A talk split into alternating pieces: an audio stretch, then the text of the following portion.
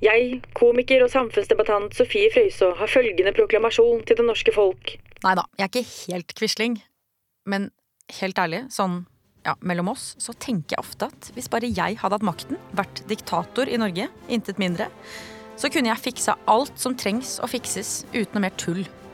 Jeg var tross alt elevrådsleder i seks år.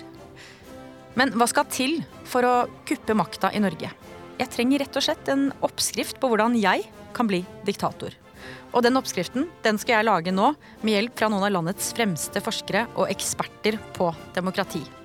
Velkommen til Sofie kupper Norge. Hei, kjære fremtidige velger og undersått. I dag skal jeg, Sofie Frøysaa, hente inspirasjon fra nåtiden og se nærmere på hvordan ledere i enkelte land prøver å undergrave demokratiet og sakte gå over til en styringsform som ligner mer på diktatur. Blant annet får du høre hva Trump gjorde for å utnytte svakheter i det amerikanske demokratiet. Og med meg i studio har jeg Sofie Høgestøl, min diktatormentor. Hei. Hei, godt å se deg. Godt å se deg. Du er jo forsker, jurist, valgobservatør, politiker, og attpåtil så har du vært medlem av valglovutvalget. I dag så trenger jeg at du også er litt ordbok for meg. Ordbok? Eh, jeg har jo da dysleksi, så det er veldig sjelden det blir brukt som ordbok. Ja, men nå er du Du er eh, perfekt for dette. Ok. Ja, fordi Jeg altså, skal ikke stave noe. Nei, nei. Nei, Du skal bare forklare meg noe greier. Fordi at eh, jeg vil jo bli diktator. Og da må jeg kvitte meg med demokratiet i Norge. Og så har jeg fått mange gode tips allerede, men så er det flere av de jeg har snakket med som har brukt ordet autokrati. Og jeg må innrømme at jeg har bare nikket og latt som at jeg har skjønt hva det betyr, med litt sånn glassaktig blikk. Jeg vet ikke om du kan kjenne deg igjen i det? Eller? Nei, du, du er såpass uh, god at jeg tror ikke egentlig at du kan kjenne deg igjen. Men, men for meg som er dødelig, vanlig, ikke akademiker, så har ikke jeg helt skjønt eh, hva det betyr. Kan du bare forklare meg hva autokrati betyr? Det betyr at det er én eller få som styrer. Bokstavelig selvstyre. I motsetning til demokrati folkestyre. Og at de velger selv hvordan de vil bruke makten. Men det som er sånn viktig å huske når vi snakker om hva et autokrati er, er at jeg tror at da tenker du, altså da tenker i alle fall jeg med en gang på sånn eneveldende diktator som har tatt makten med liksom Har brukt liksom vold og militær Jeg tenker liksom Game of Thrones. Du er enevelder, du sitter på jerntronen, liksom. Du styrer hele landet. Men det vi ser i dag, er at en av de mest vanlige styringsmodellene i verden er valgte autokratier.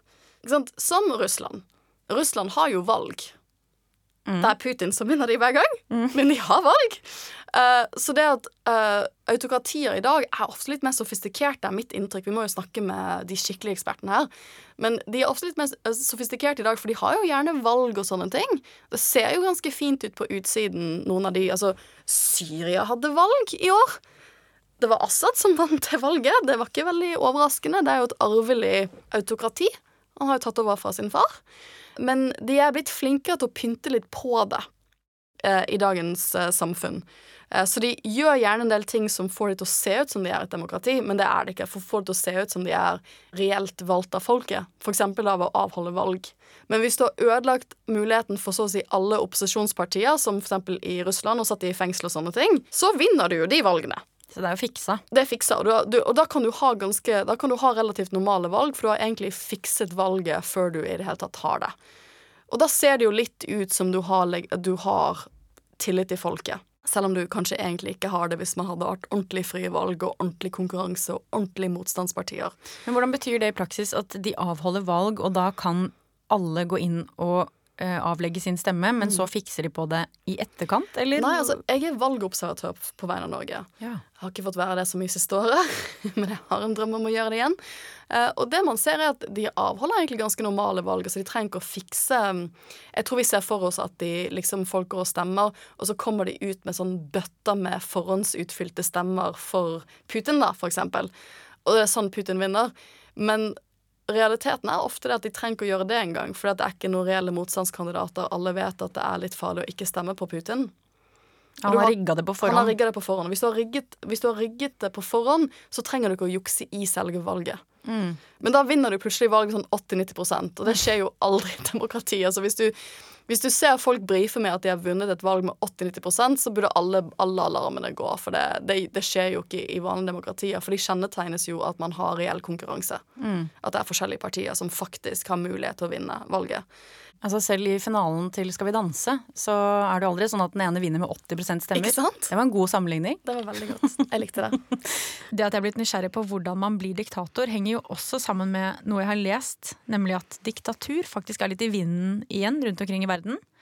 Og det overrasker meg, for jeg trodde de fleste land strebet etter å bli mer som demokrati vi har her i Norge.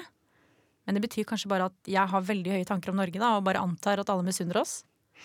Ja, altså jeg får jo et inntrykk av at veldig mange land streber etter å late som om de er diktaturer. Men hvis vi ser på sånne demokratimålinger, for man har jo ganske mange forskjellige forskergrupper i verden som lager sånn demokratirankinger og hvem som er det beste demokratiet, eller, um, eller måler demokratinivået i verden. Og mange av de vil nok sagt at det som skjer nå i verden, er at det mest vanlige styresettet du kan leve i, er autoritære regimer som har valg. Mm. Så som, de, så de, så, som, som, Russland, ikke sant? Ja. Putin har jo valg. Samtidig som han fengsler opposisjonslederen. Men er ikke det litt sånn motstridende? Uh, absolutt. Uh, men det sier jo litt om at til og med en del mer skal si, autokratiske styresett tenker at de fortsatt skal bruke valg da, for, for å gi dem en sånn legitimitet som at de ser ut som mm. demokratier. Men de er jo i realiteten De innfrir ikke en, en ordentlig definisjon av hva et demokrati er. Og hvis du ser på disse demokratimålingene, så viser de faktisk at demokratiet peaket kanskje for 30 år siden. At det som har skjedd i verden etter jeg gikk ut av videregående, er at demokratinivået i verden har falt tilbake til samme nivå som 1990-tallet. Og det er overraskende. Så de hadde sin storhetstid da? Ja, i alle fall da var det litt mer demokrati i verden, hvis mm. man skal måle det sånn, enn det det er i dag. Og det overrasket meg, for når jeg gikk ut av videregående i 2004, så trodde jo jeg selvfølgelig at verden kom til å bli mer demokratisk. At den eh, At det eh, Ja. At, at, at demokratiet ville gå fremover i verden. Og så er det ikke det som har skjedd. Og Hvis vi tenker på hva, hvordan verden så ut i 1990, så var det jo rett etter Berlinmurens fall. Mm. Eh, så det er ganske interessant for meg at man er tilbake til 1990, da, mm. egentlig. Som, ja, den falt jo i det viktigste, altså det viktigste året 1989. Det var jo da jeg ble født. Absolutt. Mm. Det viktigste året. Um, så vi ser en tendens i en del land for at demokratiet er på tilbakegang, som man sier. Og da tenker vi særlig på Polen, kanskje her i Europa. Vi tenker på Ungarn. Um, vi tenker på India, for eksempel. Så det at jeg nå skal finne ut av hvordan bli diktator, det betyr jo egentlig at jeg er veldig trendy, da. Absolutt. Men jeg vil vite mer om hva som skjer når et land går fra demokrati til diktatur. Og derfor har jeg invitert deg, Sirianne Dalum. Tusen takk. Du forsker jo blant annet på demokratisk forvitring altså når land blir mindre demokratiske enn de har vært, og går mer i retning av diktatur. De siste årene har vi sett flere eksempler på land som beveger seg i en sånn retning, bl.a. Polen, Ungarn, Brasil eller USA under Trump. Hva er det som skjer eller har skjedd i disse landene?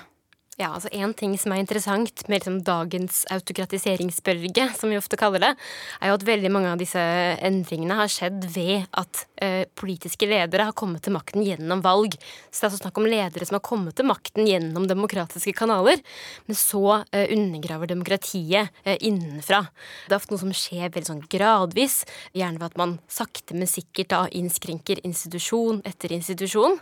Eh, og dette er litt i kontrast til sånn som demokratier kanskje har kollapset kollapset liksom, historisk sett, hvor det ofte har skjedd f.eks. gjennom militærkupp, som er mange eksempler på f.eks. i Latin-Amerika på 70- og 80-tallet, eller ved at rett og slett eh, en president, f.eks. det som skjedde i Peru, hvor president Fujimori plutselig en dag gikk på TV, annonserte at nå oppløser jeg hele nasjonalforsamlingen, og dermed oppløste demokratiet nærmest over natta. Mens i dag så skjer det her ofte over en tiårsperiode, kanskje, ved at man sakte, men sikkert eh, ja, igjen oppløser demokratiet innenfra utenfra.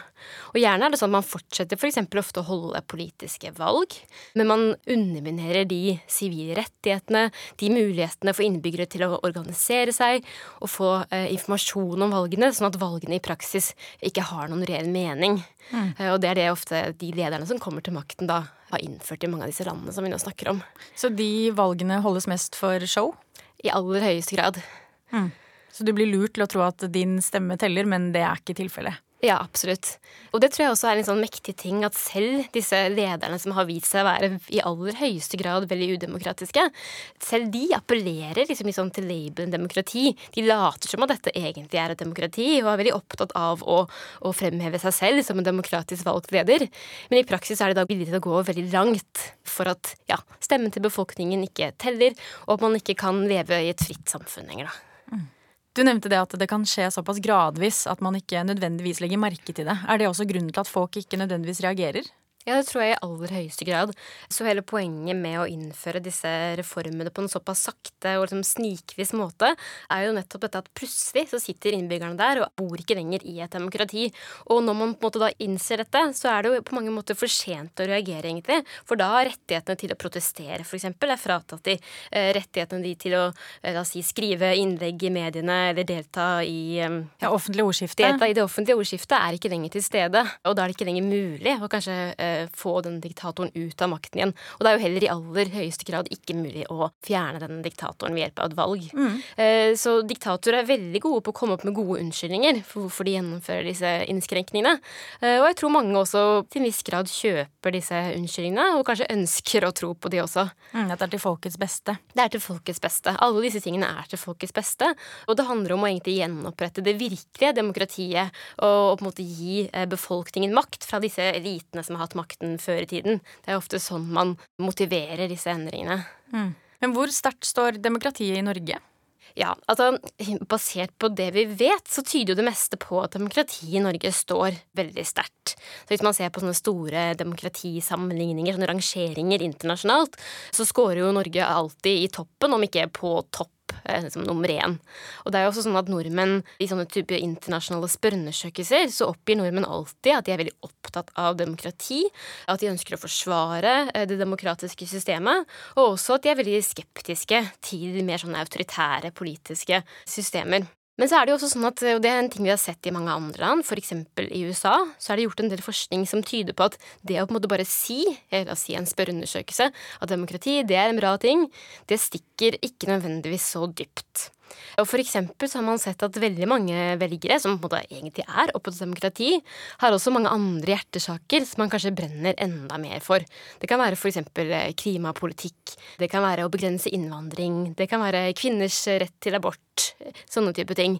Og hvis man er nok opptatt av en sak, så ser man at veldig mange innbyggere er da villige til å oppgi litt demokrati, eller være villige til at en leder innskrenker demokratiet lite grann, i, i bytte mot å få gjennomslag for da hjertesaken sin, som man kanskje er enda mer opptatt av enn demokrati.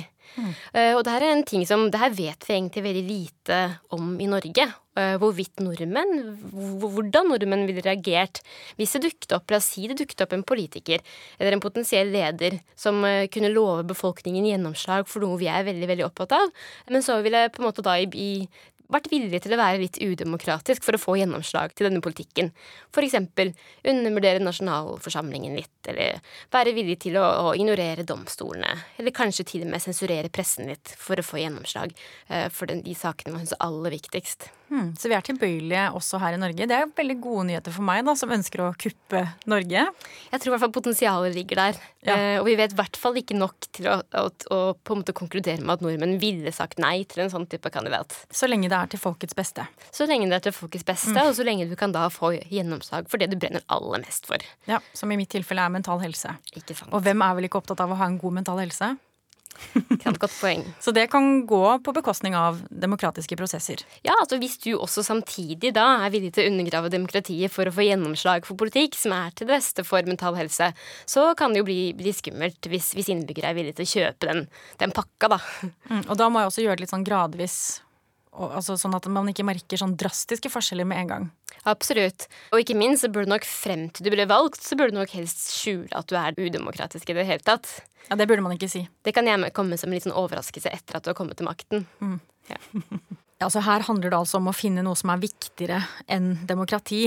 Eh, hva er viktigere for nordmenn enn demokrati? Ja, altså, vi vet i hvert fall det er en del saker som har veldig stort mobilitetspotensial, og som virkelig setter følelsene i sving blant velgere. Eh, og noen av de er jo saker som varierer langs denne by-bygd-skillelinjen. Som for eksempel ting som går på fordeling av ressurser, men også noe som delvis også henger sammen med bygd-by-skillelinjen, som da er klimapolitikk. Jeg tror mange av de som brenner veldig for klimapolitikk, brenner såpass mye for det. De kanskje er villige til å sette denne saken først, først av alt. Fordi man tenker seg da trusler mot mot eh, klima. Det er mangel på politisk vilje til å gjøre noe med klimaendringene vil man kanskje kunne se for seg som en så eksistensiell trussel at det kan på en måte true hele menneskehetens fremtid. Uh, og annet er kanskje uh, mer sånn i andre retningen, så ser man jo at det vekker ganske mye sinne også, klimapolitikk kan gjøre. Og for eksempel Bompengepartiet er jo et parti som har vokst eh, frem uh, av en bevegelse som føler at liksom, Oslo-eliten sitter der og inntrer sin klimapolitikk ned over hodet på folk, men at det virkelige folket ønsker ikke denne type politikken. Og hvis dette vekker nok følelser og blir viktig nok for folk, så skal man ikke se bort ifra at det er en type sak som gjør at man kanskje er villig til å akseptere litt eh, udemokratisk atferd. Mm. Men eh, hvis du skulle lagt en langsiktig plan om å kuppe makten i Norge, hvor ville du begynt? For det er liksom vanskelig. Hvor skal jeg begynne her? Ikke sant? Ja, så i første steg er det viktig å på en måte bare fremstille seg selv som en person som vil sikre gjennomslag for en politikk som da eh, appellerer til, til veldig, veldig mange.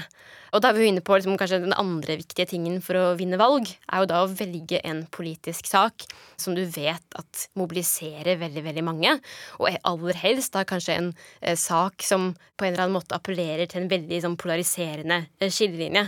For du ønsker jo også å få de som stemmer på deg, til å stemme på deg for å forsvare liksom, de og, og Norge mot en eller annen slags fiende. Så du må på en måte velge deg en fiende, og velge deg en, en sak som eh, du kan mobilisere innbyggere mot og, og, for. Og så forsterke det fiendebildet ved at hvis ikke du er for denne saken, da, da er du jo en fiende. Ikke sant. Og da er du på en måte en trussel mot samfunnet.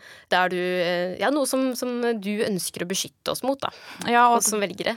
Og hvis jeg da mener at uh, altså enten er du for, eller så er du mot, og er du for, så er du for demokratiet. Er du mot, så, sant, så spytter du på demokratiet, rett og slett. Det er det udemokratiske. ja. ja. Mm -hmm. Ja, dette her lover jo veldig godt for meg, da. Jeg skjønner jo nå at jeg må virkelig utnytte svakhetene i demokratiet. Og nå skal jeg jo starte et eget parti, og da lurer jeg jo selvfølgelig på om jeg har din stemme. Ja, Nå vet ikke jeg så veldig mye om hva som er liksom din politiske ambisjon, og hva du ville lovt meg eh, i bytte mot å stemme på deg, siden jeg har skjønt at du har jo en del eh, udemokratiske tendenser. Eh, men nå tenker jeg uansett, da, som demokratiforsker, så er jo det jeg er veldig opptatt av, er at ved å da eh, la en person som deg eh, komme til makten, så vil jo samfunnet da i fremtiden miste sin mulighet til å fjerne deg når du blir enda verre.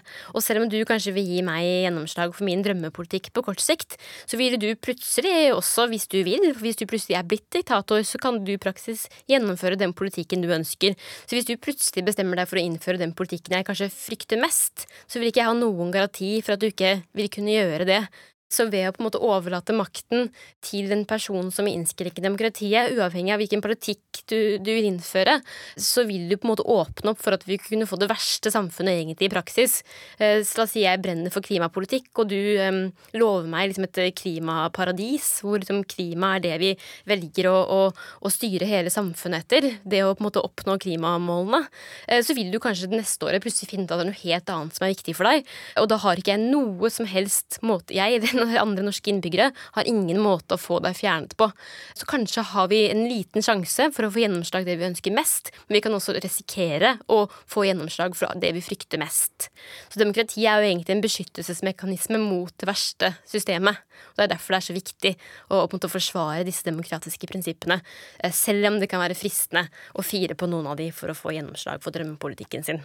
Oi, eh, ja det var et veldig langt og nyansert svar på det jeg trodde var et kjempeenkelt spørsmål. Om stemmen din går til meg eller ikke, men ja. Tusen takk for at du stilte opp her, Sirianne. Bare hyggelig. Takk for meg. Ah, det var veldig, veldig spennende og lærerikt å høre på Sirianne. Og Ja, jeg har jo fått mye inspirasjon. Og ikke bare har Sirianne gitt meg inspirasjon, jeg lar meg også inspirere av diktatorer. Jeg har laget en rangering over nettopp diktatorer, og i dag så gir jeg dere plass nummer fire. På plass nummer fire Djengis Khan. Den mongolske keiseren Djengis Khan levde for 900 år siden og het egentlig eh, Temujin, som betyr smed. Altså smed. Men det finnes ikke bevis på at eh, Temujin smidde så mye som en spiker. Til gjengjeld hamra han gjennom en rekke lover. Takk. Hans første kone het Borte, og på et tidspunkt ble hun kidnappet, altså borte vekk. Heldigvis hadde han fortsatt sin andre kone hjemme, og elskerinnen uavgjort. Neida, men han hadde bare Borte, og Borte ble funnet, og de fikk sånn ti-ish barn. Ingen vet helt, for hvem gidder vel å registrere jentebarn? Så da han slaktet ned en rivaliserende folkestamme, så lot han alle som var lavere enn hjulakslene på vogna hans, stå igjen. En praksis Tusenfryd benytter en dag i dag. Ærestittelen Djengis Khan betyr den universelle hersker, og det skal han ha. Djengis han kom nærmere enn de fleste. Da han var ferdig med å erobre, strakk det mongolske riket seg fra lengst øst i Kina til Polen. Polen, ja. Det er jo sykt bra shopping i Krakow, da, så jeg ser jo den. Religiøs tolerant som han var, erklærte Djengis Khan at daoister, buddhister, kristne og muslimer ikke trengte å betale skatt. Så en grei måte å sørge for fulle kirker og templer der, altså. Djengis Khan har blitt hyllet for å ha brakt handel, kulturutveksling og teknologi til store deler av verden. Det strøk bare med fire millioner mennesker på veien, av totalt 400 millioner på kloden. Men som daglig leder sa til meg da jeg hadde sommerjobb på Rimi, 1% svinn må man regne med. Vi kjenner jo alle til eh, en mann ved navn Donald Trump. Og jeg er veldig fascinert over at han har klart å få til det han fikk til. Eh, så jeg tenker at jeg må høre mer om hvordan han klarte det. Ja, jeg kjenner jo store deler av USA-synserne i Norge. Men akkurat for dette så tenker jeg at det er bare én person du kan snakke med. Og det er Hilde Restad. Oh, nå trodde jeg du skulle si Donald Trump. Eh, fordi at Hilde Restad er, vil jeg si da, en av de få som virkelig kan kalle seg USA-ekspert. Hun har bodd i USA i sånn nesten ni år, tror jeg, til sammen. Eh, og hun skrev doktorgraden sin der ved et toppuniversitet om amerikansk utenrikspolitikk, og har forsket eh, en del på hva Trump har gjort med demokratiet i USA. Perfekt. Hjertelig velkommen hit, Hilde. Tusen takk. Um, det første jeg lurer på, er altså i løpet av uh, sine fire år som president, hva gjorde Donald Trump for å bygge ned demokratiet i USA? For meg er det tre utfordringer nå i USA. Det er en, en, ideologisk utfordring, en institusjonell utfordring og en politisk utfordring. Eh, som alle de områdene har svakheter som Trump kunne utnytte. Så den ideologiske utfordringa er jo at det har vært en økende polarisering eh, der det republikanske partiet har gått lenger og lenger til høyre. Um, og du får en sånn høyreradikalisme, nesten. Uh, I tillegg til den eksisterende høyreekstremistiske trusselen som jo finnes i, i, i USA, og har funnes der veldig lenge. Um, som også går på det her med identitet og mangfold. Uh, som er veldig sprengkraftig. Som han uh, utnytta veldig åpent. Som tidligere ikke hadde vært utnytta så åpent på veldig lenge. Så det var ganske sjokkerende. Eh, den institusjonelle utfordringa er jo at USA har et veldig Jeg vil kalle det for gammeldags, eh, egentlig oppsett. Eh, for eksempel måten de velger president på, er det jo nesten ingen andre land i verden som har som gjør det sånn lenger. Som de har et ganske sånn arkaisk, eh, komplisert system som gjør at det er jo ikke sånn at den som vinner flest stemmer i USA, får bli president, som vi alle har lært. um, sånn at det er utfordringer med representasjon og, og, hvem som får makt, eh, som gjør at det er vanskelig å få til eh, kanskje de endringene som trengs, som kan føre til politikerforakt. Som man kan spille på som populistisk president eller kandidat. Og den politiske utfordringa er jo at um, USA har eh, ingen føderale lover egentlig for hvordan å avvikle valgene sine. Eh, sånn at det er sårbart på delstatsnivå for um, Eh, at f.eks. det republikanske partiet, hvis det kontrollerer ulike valgforsamlinger i ulike delstater, lager lover fordi de ønsker å vinne valg, sånn at de skal gagne, valglovene skal gagne dem ved neste valg, heller enn å være opptatt av én person, en stemme, eh, rettferdige valg. Og alt det her kan utnyttes hvis man er kynisk nok. Eh, og det da Det gjorde da Donald Trump, så han angrep på en måte USA både ideologisk, institusjonelt og, og politisk, eh, mener jeg. Som da er det, det, kort, det var det korte svaret, tro det eller ei. ja, så han misbrukte alle de tre områdene. Ja, og det går litt på det her med at hvis man er eh, En ting som det har vært mye diskutert eh, blant amerikanske statsytere, er jo at det var kanskje en del ting man tenkte på som lover og regler, men som egentlig bare var normer. Og, og, man oppdager hva som er lov og hva som er norm, når du får en person eller en politisk aktør som er eh, så kynisk at de ikke bryr seg om normene, men kanskje ikke vil bryte lovene. Har du noen eksempel på det?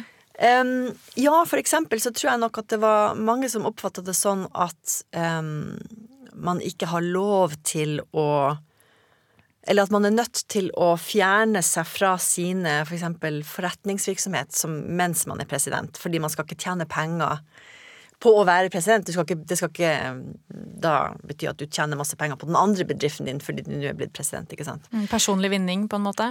Ja. Eh, og her viste det seg vel at det kanskje var mer, det var mer normer som hadde utviklet seg over tid, eller, eller, eller prinsipper man antok at en person med høy integritet, som han antok ville være dem som blir president, ville følge. Eh, som Donald Trump ikke brydde seg om. Han har jo tjent penger på å være president, mm. Eh, utover det at han har fått lønn som president. og også det her med nepotisme, det her med å ansette egne familiemedlemmer som det er selvfølgelig eksempler på det tidligere òg, med Kennedy-familien f.eks., men det ting som man har tenkt at um, kanskje har vært regler, eller, men som kanskje egentlig bare har vært normer, for, og så har man tenkt at ja, ja, men det, sånn, det vil alle politiske aktører følge når de blir president, fordi at hvis du skal bli president, så må du være en person med en viss integritet. Mm, følge kutyme. Ja, følge kutyme. Eh, og hvis du da har en person som er skamløs, så eh, da får man virkelig testa hva er det som bare er norm, og hva er det som er en lov. Mm. Og Trump har, og viste seg veldig villig til å bryte absolutt alle normer. Ja, for eh, her i Norge så har vi også veldig eh, sterke normer, eller kutyme, da. Kanskje det er min vei inn? At jeg bare må misbruke normene, eller drite i de, rett og slett? Ja, jeg tror Altså, det for meg, eh, det Trump viste meg, som jeg kanskje ikke hadde skjønt før, det var at du kommer veldig langt med å være skamløs. Eh, de, de sant, flink pike finish last, basically. Ja. Altså, ikke sant? Hvis du skal følge alle reglene og alle så, Det er veldig sånn Hillary Clinton versus Donald Trump, da. Flink pike. Mm. følge alle reglene. Mm. Ska, den skamløse uh, badboyen uh, kommer lengst. Ja. Uh, til en viss grad, da. Så har det jo litt også om hvordan man gjør det. Hvor lur skal du være i, utform, i utførelsen mm. av normbrytinga. Mm. Fordi eh, Donald Trump eh, tok det kanskje litt langt, og var kanskje litt åpenbar i sin maktlyst og sin vilje til å gjøre hva det skulle være for å eh, vinne, i gåsetegn, valget i 2020. Så hadde han holdt litt igjen, så kan det jo være at han ikke hadde utløst så mye motstand. Mm. Mm. Så det kan du tenke på. Ja, ja, Jeg må åpenbart være skamløs, men ikke så tydelig. Ja, du må, være, du må, være, skamløs, men lur. Ikke sant. Taktfull. Mm. Mm. For å gå tilbake til disse utfordringene eh, i, i, USA, kan du gi noen eksempler på hvordan de prøver da å manipulere valgene?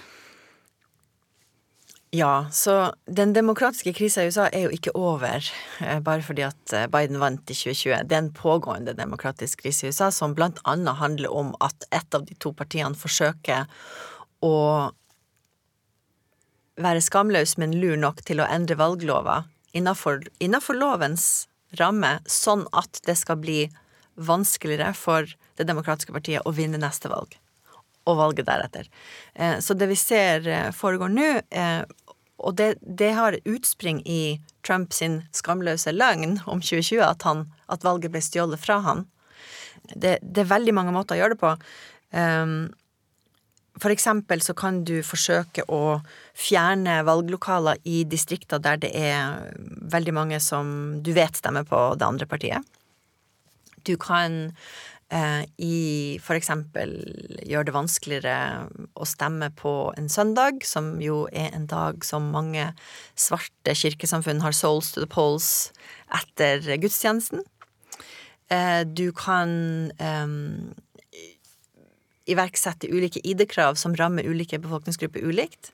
Så det det republikanske partiet prøver på nå, det er å være skamløs, bryte masse normer, men ikke bryte noen lover som vil gjøre det mye mer sannsynlig at de vinner valg, selv om de ikke kanskje vinner flest stemmer. Jeg leste et veldig rart ord. Gerrymandering. Mm. Eh, Hva betyr det? Det handler om at hver, igjen så er da hver delstat som har eh, kontroll over sine valg, eh, og det handler da om at hvert tiende år, basert på eh, folketellinga, så skal man dra, tegne opp valgdistrikt. For for man, hver delstat har ulike distrikter hvor man velger representanter inn i Kongressen. Og de distriktene, te- på kartet liksom, tegner man da. Og, og gerrymandering ha- er, handler om at man da tegner distrikter som skal gagne et parti heller enn det andre, sånn at du liksom, du liksom du innlemmer den bydelen der, og så utelater du den bydelen der, og så får du de, på en måte de velgerne du vil ha, sånn at du klarer å sikre deg eh, ditt parti sin seier, da. Eh, og gerrymandering har vært oppe i Høyesteretten og vært utfordra som antidemokratisk. Eh, men der har nå den, den Nå har jo de konservative dommerne har nå flertall i den amerikanske høyesteretten, og de har bestemt at det ikke er grunnlovsstridig. Så nå kan man holde på som man vil. Og 2020 var folketelling, så nå kommer det Nå sitter man og tegner distrikter i de ulike delstatene og kan gerrymander så mye man vil. Det er jo helt absurd. Ja, det, det kan du si! det, det var en kort, fin oppsummering av det amerikanske politiske systemet. Ja. Det er ganske absurd. Uh, nei, men tusen takk for eh, gode råd og innspill til hvordan jeg kan uh, ta en Trump. Jeg er ledig som kommunikasjonsrådgiver når du stiller til valg. Ja, du er det? Mm. Det er veldig godt for meg å, å vite. Takk, for- takk for at du sa det. Takk for at du kom hit, Hilde. Bare hyggelig. Nå har vi lært masse både om demokratisk forvitring generelt, og ikke minst om hva Trump gjorde i USA. Men hvor mye fikk du egentlig med deg, Sofie? Jeg kan se at du er klar for nok en liten quiz. Å ja, jeg er så klar. Første spørsmål. Hva er et autokrati? Åh, men den kan jeg faktisk. Det er hvis én eller få styrer landet. Nydelig. Full pott. Tusen takk. Neste. Nevn to land som har beveget seg mot et mer autokratisk styre de siste årene. Da vil jeg trekke frem Ungarn og Polen.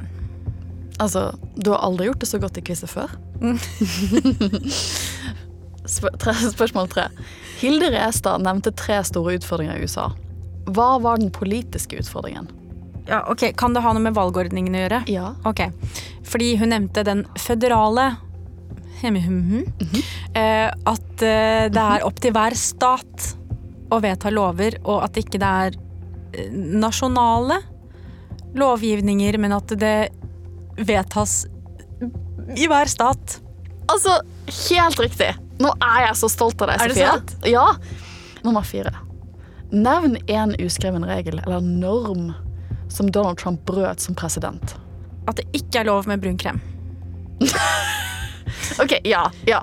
Mm. Ja. Men en, altså, en mer sånn ordentlig, en sånn viktig uskreven regel, da. At Gi meg et hint, da. Eh, altså, hva var det Trump gjorde med selskapene sine under mens han var president? Han fortsatte å jobbe der. Ja, eller han fortsatte å tjene penger, Ja. tjene penger på Det må man jo når man jobber. Mm.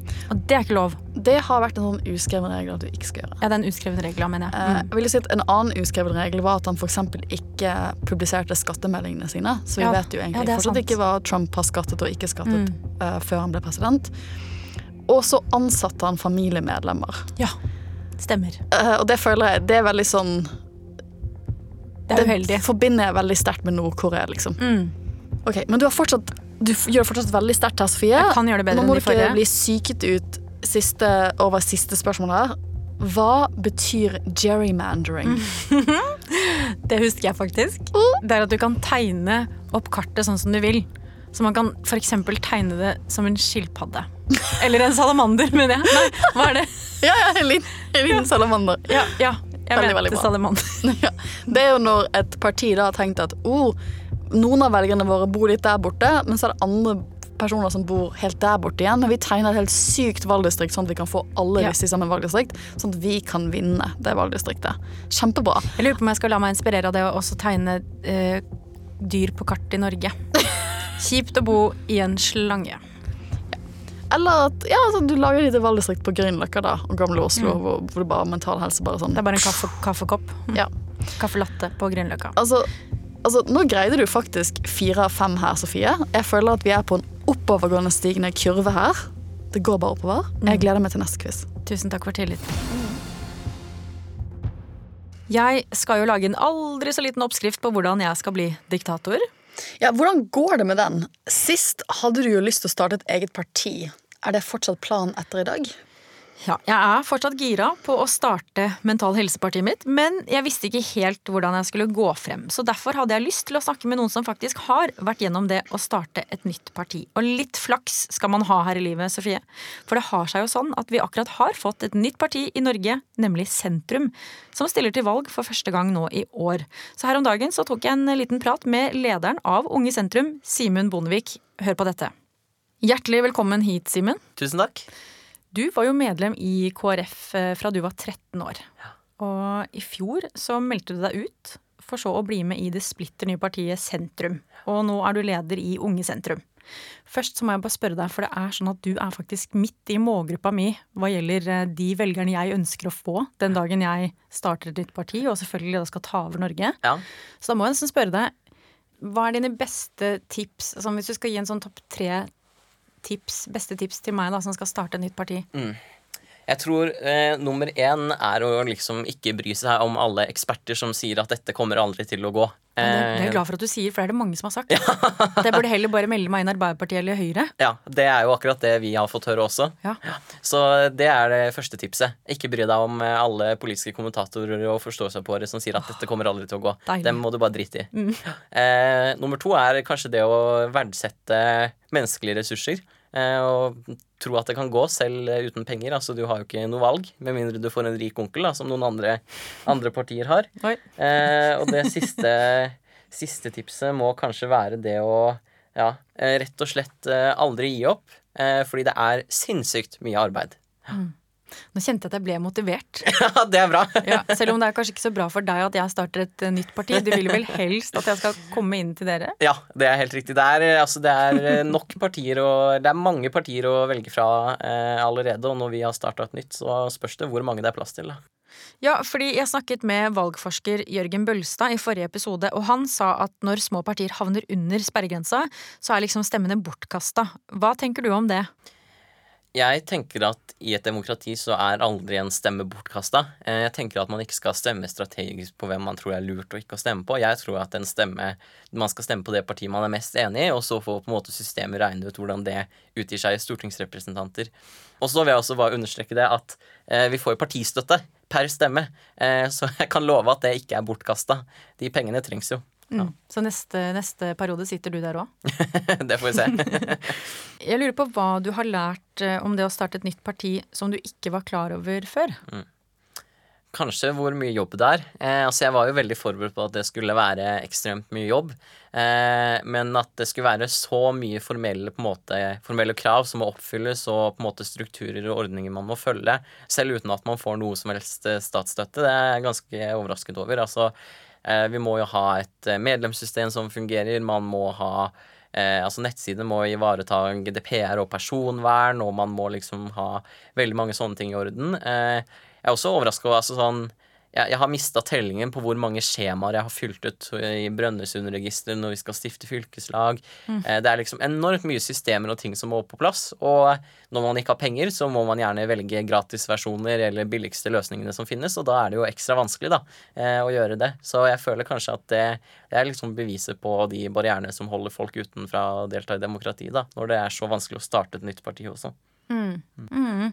Ja, for det å starte et nytt parti Det er ikke sånn at du da får masse penger kasta etter deg, og du får eh, noe starthjelp der. Nei, på ingen måte. Altså, alt vi har gjort, er jo gjort på frivillig basis. Eh, ingen ansatte i Ungdomspartiet, ingen ansatte i Moderpartiet. Alt gjøres på frivillig basis. Eh, og det er jo eh, kjempeutfordring. Eh, det er jo andre partier som er mer etablert og sitter på Stortinget som får millioner i statsstøtte. Vi får jo null. Eh, så alt må gjøres frivillig, eh, og det er en kjempeutfordring. Altså dere har fått null, altså. Ja, ingen null kroner i statsstøtte. Det er jo det man får i Norge, er jo partistøtte. Man får en, en liten pengesum per stemme man får ved et valg, og vi har jo ikke stilt til noe valg ennå. Så da må vi jo først komme dit, da, at vi får noen stemmer, og så er det med en, en startstøtte på null kroner.